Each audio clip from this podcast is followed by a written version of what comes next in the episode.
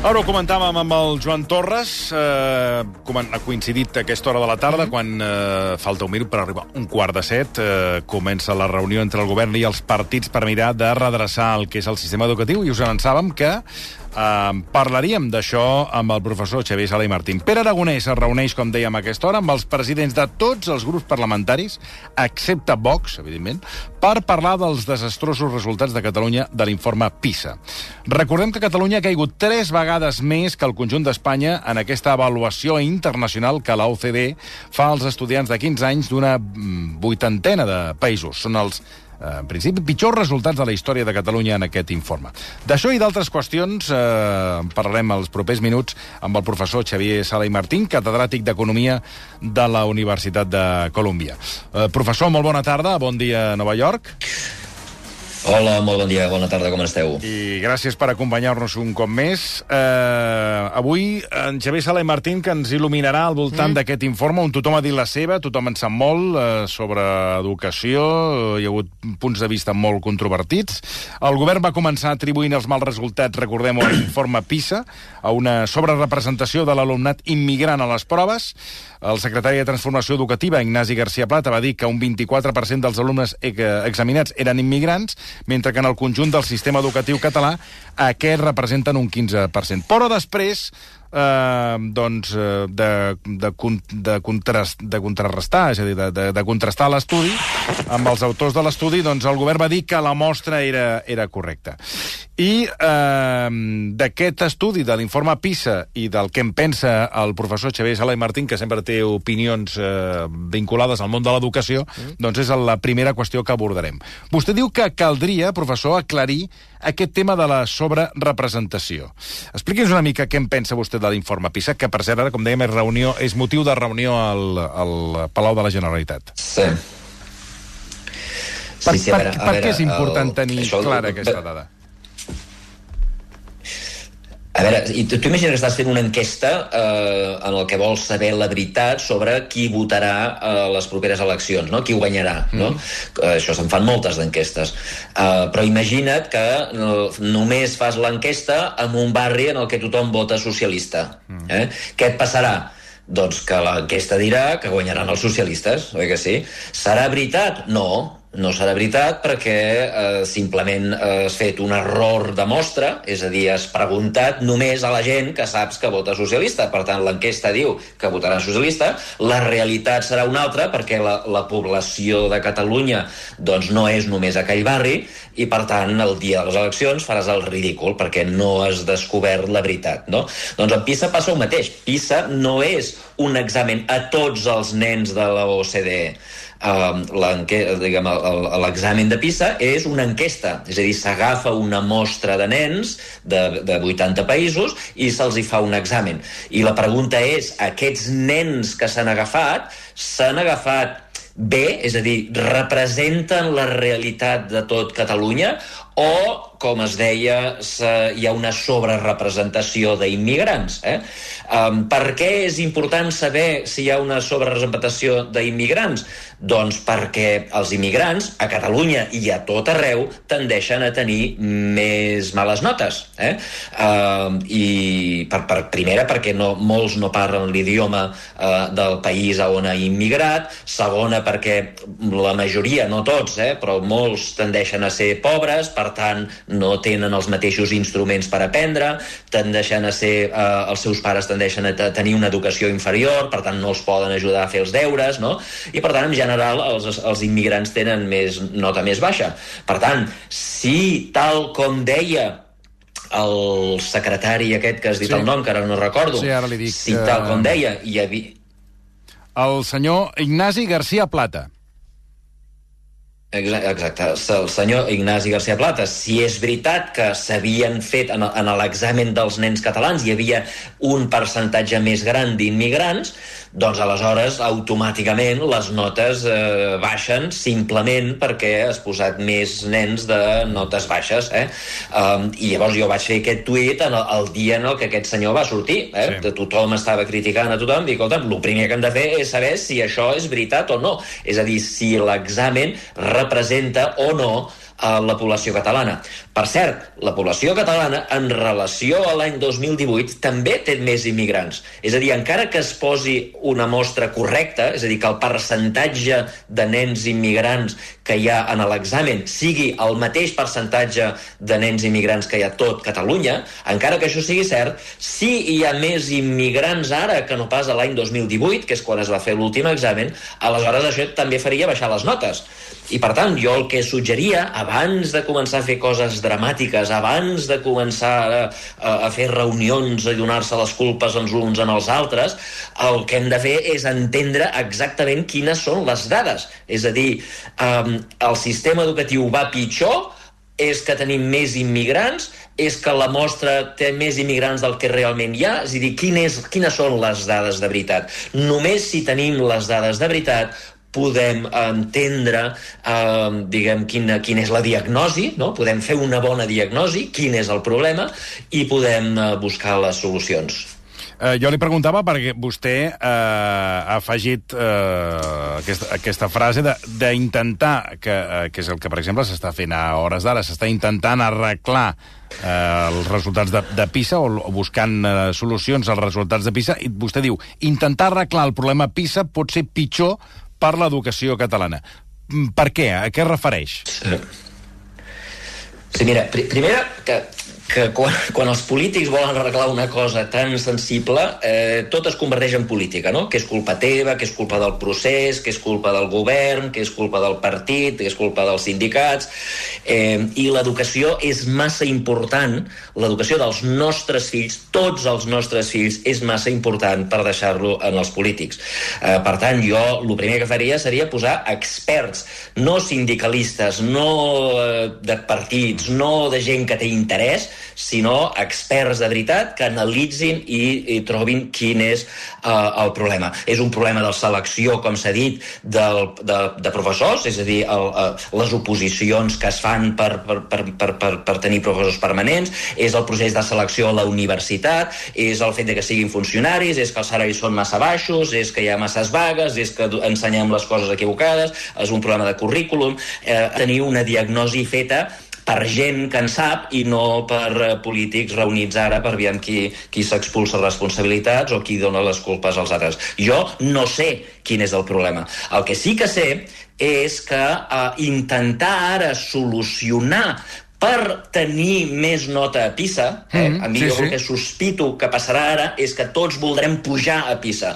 L'objectiu del sistema educatiu serà pujar a PISA, perquè ja veiem que quan baixes a PISA es munta un rebombori, no? Per tant, l'objectiu serà pujar a PISA. I això seria un error gravíssim, eh? gravíssim. Um, tots recordeu, eh, per, per, perquè veieu el, el, per on pot venir l'error, tots sabeu eh, que uh, hi ha un any perdut a la nostra vida, a tots els que hem estudiat a la universitat. Tots recordem que vam estar un any perdent absolutament el temps, que va ser l'any anterior a entrar.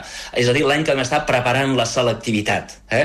Um, en aquest, durant aquell any, eh, l'única cosa que aprenien era el que entrava a l'examen. Eh? Si entra a l'examen, ho estudio, ho memoritzo, ho faig, perquè eh, l'objectiu és entrar la, de tenir bona nota de selectivitat. Tot l'altre no m'importa per res, i ho tiro a les escombraries. Eh? Tots ho hem passat, això, mm, sí, sí. i això i, i, I això és el que pot passar ara. Eh? És a dir, eh, si ara de sobte posem tots els esforços, tots els professors de Catalunya, tots els calés, tot el, tot, diguem, comprem iPads i, comencem, comprem instruments perquè els nens puguin pujar a Pisa, eh, el que farem és pujar a Pisa. Però una cosa és pujar a Pisa i l'altra cosa és aprendre. Eh? Uh, recordeu, per, per, per entendre el que és de què estic parlant, l'examen de PISA fa, uh, és, té tres parts. Un, matemàtiques, dos, capacitat d'entendre un text, eh, una lectura, i tres, ciència. Val? I això són coses molt importants. Eh? Matemàtiques, lectura i ciència són fonamentals, però no ho són tot. No són tot. Hi ha moltes altres coses que corren el risc de desaparèixer del radar de la importància de l'educació eh, si ara posem més esforços. Per exemple, posem més hores de matemàtiques, més hores de lectura, més hores de ciència. D'on traurem aquestes hores? Doncs segurament les traurem d'altres coses. Eh, per exemple, art. Eh? Jo crec que és molt important, en un món on cada vegada són més importants les idees, la innovació, que els estudiants dediquin una bona quantitat de temps a l'art, a la pintura, a la música, a la dansa. Uh, Fixeu-vos que a Pisa no hi ha art, cap pregunta d'art. Uh, no hi ha cap prova d'art.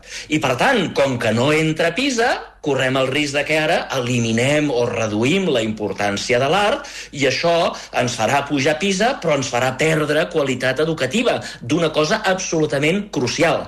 Uh, en un món on les idees són importants, la curiositat és fonamental. És fonamental que els nens es facin preguntes sobre tot eh? que no fer-los callar perquè, eh, diguem, eh, el que estàs preguntant no entra al temari o no entra Pisa o ara estàs molestant a la classe. No, els nens han de preguntar. Quan més preguntem, quan més preguntem, més idees tindrem. Una idea és la suma d'una pregunta i una resposta. Normalment, en el sistema educatiu, normalment a PISA, el, el que es fa és eh, que els, els, entrenem els nens a donar respostes però no a fer preguntes. No hi ha cap examen de preguntes a PISA. Uh, una altra cosa que és molt important a l'era de l'accés la, d'informació, de la saturació d'informació, de les fake news, uh, és molt important el pensament crític. Per exemple, per exemple, quan surten les notes de PISA, és una nota esbiaixada o no és esbiaixada? La mostra està ben feta o no està ben feta? Com ho miraríem? Com ho interpretem? Com interpretem una notícia que sacseja tot el país, com és Catalunya ha baixat a Pisa? Els nens ho saben fer, això? Es, es, es fan les preguntes crítiques sobre aquesta notícia o se la traguen, tal com diu el conseller, s'ho mengen tot? Um, en un món on no hi havia informació, fa 100 anys, era molt important embotir tota la informació en el cervell dels nens, que memoritzessin tot. Avui dia tots tenim accés d'informació, tenim telèfons mòbils, tenim iPads, tenim ordinadors, la, la informació està per tot arreu. Aquí la clau avui dia no és tenir més informació, és triar la informació real de la informació falsa, triar les fake news de les news de veritat. Um, hi ha preguntes sobre això a, a, a PISA? Un altre exemple, és molt important, tots sabeu tots, tots, tots els que m'esteu escoltant sabeu que quan comenceu a treballar, això de treball individualitzat desapareix. Tots som, tots treballem amb un equip equips molt importants. PISA només fa exàmens individuals. Uh -huh. uh, per aprendre a treballar d'equip, per exemple, és molt important els esports, que els nens juguin a hockey. És molt important coses com els castells, les orquestres, o els, el, el, que els nens participin en, en, en corals no? per cantar, on s'han de coordinar els uns amb els altres a l'hora d'intervenir o no intervenir cap d'aquestes coses apareixen a PISA. Uh, un altre exemple, uh, en el món en el que els nens hauran de viure, hauran de canviar de feina moltes vegades, i això comporta costos psicològics importants. Tothom que s'ha anat a l'atur sap que, uh, que quan perds la feina tens un cost brutal. Doncs això en aquests nens que estan treballant ara a l'escola els hi passarà moltes vegades els hem de fer més resilients uh, i, i estem ajudant això? Uh, de fet, no només a l'escola, a casa. Jo crec que els pares ara mateix són molt més sobreprotectors que no pas ho eren una generació abans i, i els estem fent un mal en els nens perquè després aquests nens són fràgils, són incapaços de tolerar el fracàs, que per cert, per tolerar el fracàs també és important l'esport, eh, han, han d'aprendre han d'aprendre a perdre, etc etc. I finalment, un altre exemple, eh, l'emprenedoria els nens han de tenir ambició per fer coses noves, no? per, per començar la seva pròpia empresa, els seus propis projectes, en lloc de ser eh, de voler ser eh, funcionaris de la Generalitat o funcionaris de la Caixa. Um, um, Fixeu-vos que ni art, ni uh, curiositat, ni a fer preguntes, ni pensament crític, ni treball en equip, ni resiliència, ni emprenedoria, cap d'aquests aspectes que són fonamentals per la nostra, per l'educació dels nens avui dia, cap d'aquestes coses entra a PISA. Uh, I per tant, en la mesura que ara ens obsessionem en PISA, a la mesura que ara el president de la Generalitat i tots aquests polítics que estan reunits ara mm -hmm. eh, acabaran trobant solucions per pujar a PISA, el que estarem serà traient importància, recursos, esforç i temps de totes aquestes altres capacitacions que són importants però que no ens faran pujar a PISA. I per tant, a l'hora de solucionar el problema podem acabar creant, diguem, podem acabar pujant a PISA, però en canvi podem acabar amb una educació molt pitjor pels nostres fills. Eh, professor, parlava de, de treballadors, que és el següent tema que volíem parlar amb vostè, perquè, eh, clar, d'una banda, eh, hem conegut que ara falten treballadors. L'estat espanyol ha registrat un rècord de 156.000 vacants laborals sense cobrir és un 5% eh, més que l'any passat i és el màxim des que hi ha registres. I segons l'informe El repte de les vacants a Espanya, elaborat per la patronal CEPIME, eh, el 71% de les petites i mitjanes empreses asseguren que tenen dificultats per trobar els treballadors que necessiten. Clar, eh, aquí, mm, eh, diguéssim, et planteges per què falten treballadors, què està passant. Uh, vostè va fer una xerrada a Ripoll en una empresa del sector de la ventilació i li van comentar justament això, que no troben empleats. I l'altra cara de la, moneda, de la moneda és que Espanya pateix la taxa de desocupació més alta de tota Europa. Hi ha un 12,9% d'atur, al doble de la mitjana. I per això eh, costa tant d'entendre, professor, que, que, que, que augmentin les vacants, no? És una mica contradictori. Eh, no sé quin anàlisi ens pot fer vostè.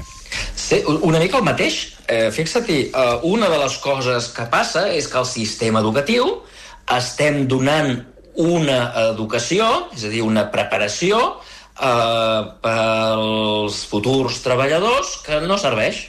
És a dir, les, eh, les empreses no troben, no troben treballadors, mentre que al mateix temps els joves que surten de les escoles estan a l'atur. No? Uh, per què? Doncs perquè els hem preparat, els hem donat una educació que no és el que busquen les empreses. Per això jo he, he explicat diverses coses que s'haurien de fer en el sistema educatiu. Eh? Jo no sóc, jo sóc educador, sóc educador però no sóc pedagog uh, i, i, i jo no sé com s'ensenyen totes aquestes coses. Però el que sí que sé és el que es requereix després. El mercat laboral demana unes coses que l'actual escola no està donant.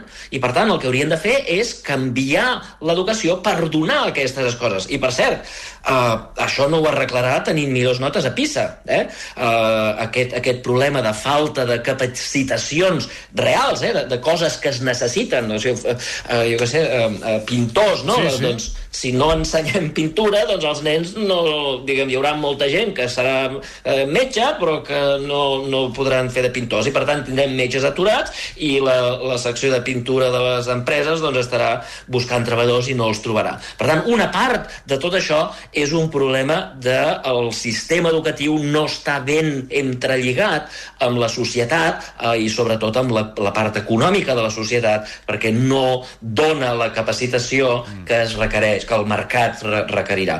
Una altra part és la compartimentalització mental que també és problema de l'educació. Fixa que el sistema educatiu ensenya professions a la gent, eh?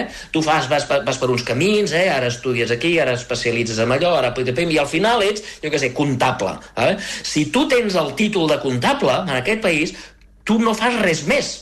I si o trobes feina de comptable o no, o no treballes, no? Jo sóc comptable i, que, que, no, però escolta'm, que hi ha, una, hi ha, hi ha feina allà a la, a la fàbrica de no sé què. Doncs no, no, jo no, jo no agafo aquesta feina, jo prefereixo estar a l'atur perquè jo sóc comptable i o faig de comptable o no treballo, no?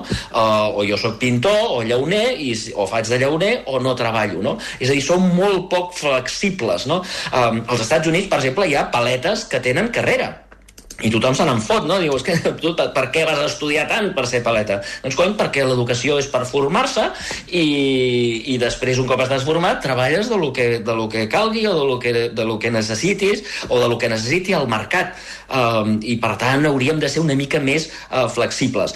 Um, I tercera, una de les queixes que tenien els empresaris aquests, que vaig sí. visitar a Ripoll, sí. eh, Uh, per cert, que, que per al voltant de Ripoll hi ha molta indústria, encara que la gent no ho sàpiga, hi ha moltíssima indústria i els, el, hi ha moltes empreses que busquen eh, a treballadors per la indústria.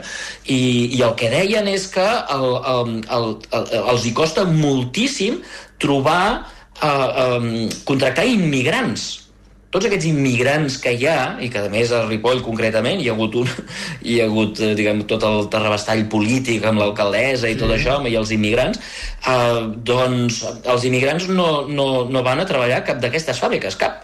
Eh, I quan els hi preguntes per què, doncs resulta que als immigrants els hi ha costat tant doncs, obtenir els subsidis, la renda mínima i tot això que, que han aconseguit, que tenen por de perdre-ho si treballen és a dir, que si treballen i després perden la feina, llavors tardaran dos anys més a aconseguir les rendes mínimes i tal, i això doncs prefereixen quedar-se eh, corroborant una renda mínima per, per, diguem, per, per membre de la família, que estan empadronats a diferents eh, pobles, eh, que no pas tenir eh, que no pas tenir eh, feina. Eh, que, que, que tenir feina i el risc de, de perdre'l, no?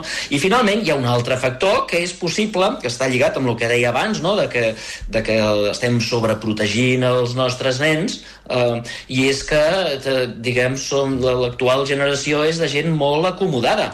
Eh, jo alguna vegada he donat classes aquí a la Pompeu Fabra i, i i, i he parlat amb empreses que venien a contractar. Jo, jo donava classes d'economia, òbviament, sí, sí. i per tant, doncs, eren empreses que venien a buscar economistes i es quedaven esgarrifades perquè als nens els semblava que l'únic que els ho preocupava era si treballarien els divendres, si quantes setmanes tindrien de vacances, eh, diguem, ara estan molt preocupats per si podran teletreballar, quants dies a la setmana podran teletreballar, um, i, i de fet, a, a les empreses avui dia que no troben feina, aquestes empreses de Ripoll m'ho deien, eh, escolta, mira, el que hem de fer és eh, dividim l'empresa en dos grups de treballadors. Un grup té teletreball un mes, Uh, el segon mes té teletreball l'altre grup, el tercer mes, doncs, to tots han de venir a l'empresa per crear esprit d'equip i no? per ensenyar la filosofia de l'empresa, però eh, un de cada tres mesos els havien de donar de teletreball perquè si no no podien trobar treballadors. O sigui, que, que, que no era qüestió de salaris. Els hi pagaves més salaris, no, el que volien era doncs, teletreball, vacances, divendres, festa, etc etc etc. I per tant, eh, si estem davant d'una generació molt acomodada, doncs, eh, clar, eh, molts prefereixen no treballar que treballar. Per tant, eh, per una banda l'educació, per l'altra banda eh, una generació acomodada i per altra banda tot aquest conjunt de regulacions i subsidis que ja fa, molt, que, ja, que fa que hi ha molta gent que prefereixi doncs, eh, cobrar l'atur o cobrar la renda mínima que no pas treballar i, i per tant tot això explica que per una banda tindrem una gran quantitat d'atur, l'atur més elevat d'Europa, d'Europa, eh, però en canvi hi hagi una gran quantitat de vacants que fa que moltíssimes empreses doncs siguin incapaces de trobar treballadors quan hi ha tant de treballador aturat, no? M'apunta un bon amic des d'Alemanya que eh, en aquest país també passa el mateix eh, pel que fa a trobar treballadors. Hi ha una discrepància entre les necessitats de la indústria o de la societat i el que s'ensenya. Veig que això sí, sí. Va, va, va, per, va per, per barris. Sí, sí, sí, sí. Uh, és un problema és més, molt general. Sí, sí, perquè a més m'acaba d'afegir un altre text que diu està descrivint uh, el professor Xavier Sala i Martín la situació fil per randa a Alemanya. Uh, per tant, vull dir sí, sí. que potser és una cosa més, uh, més, més global del que més sembla, global no? del que, del que... Sí, sí, que, que, que passi a Catalunya no vol dir que sigui, Catalunya sigui l'únic lloc que passa, eh? Sí, sí, uh... no, per això dic que m'ha cridat l'atenció que des d'Alemanya m'estan alertant que mm. també també hi passa. El que sí que ens centrarem ara és a Catalunya, professor, perquè, eh, parlant de números i d'estadístiques i de tot això, eh, l'economia madrilenya ens han explicat que va créixer més que la catalana el 2022. Això ho indiquen les dades de comptabilitat regional d'Espanya publicades aquest dilluns per l'Institut Nacional d'Estadística. Concretament, l'economia de Madrid, ens diuen en aquestes dades, va créixer un 7,2%, eh, més eh, d'un punt eh, comparat amb el de Catalunya, que va créixer, ho estava mirant aquí, un 6%. Vostè diu que no cal donar tanta importància a aquestes dades, professor. Per què? No, perquè si mires les dades de fa un any passava al revés. Eh? Si mires fa un any, eh, Catalunya va créixer molt més que Madrid, la pandèmia a Madrid es va ensorrar molt més que Catalunya, eh, és a dir, mirar unes dades d'un any o un altre, eh, de fet, eh, si mireu els titulars del país, eh, el, de, el del país, de la que dona aquesta notícia, sí. eh, no, no és que jo llegi el país, eh, però és, me, me la va passar la, la Xènia, sí. eh, però tu clicaries al país i llavors t'apareixia una notícia amb el titular, amb les mateixes paraules, però Madrid i Catalunya canviat. I miraves i era exactament el de fa un any. Eh? Um, i, i vaig trobar curiós, però clar, això el que indica és que a curt termini doncs un puja, l'altre baixa, tal i qual, o sigui, tot això no és important, ni tan sols hem de fer anàlisis per mirar diguem, eh, què ha passat durant aquest any a Catalunya, ni hem de fer eh, diguem, portar a terme polítiques per, eh, per, per, per canviar la situació. Eh, el que hem de mirar és el creixement a llarg termini, en els últims 10, 15, 20 anys, i aquí sí que tenim un problema. Aquí sí que tenim un problema perquè si tu mires en els últims 15, 20, 30 anys, eh, Catalunya ha crescut menys que Madrid. Eh? I, eh, i bastant menys que Madrid. I això sí que eh, hem d'analitzar uh, per què Catalunya està perdent pistonada. Uh, diguem, jo suposo que hi ha moltes causes. Eh? Uh, la meva causa favorita és que diguem, per, per fer un estereotip, eh? un estereotip fals, però diguem que una mica reflecteix, sí que reflecteix la veritat.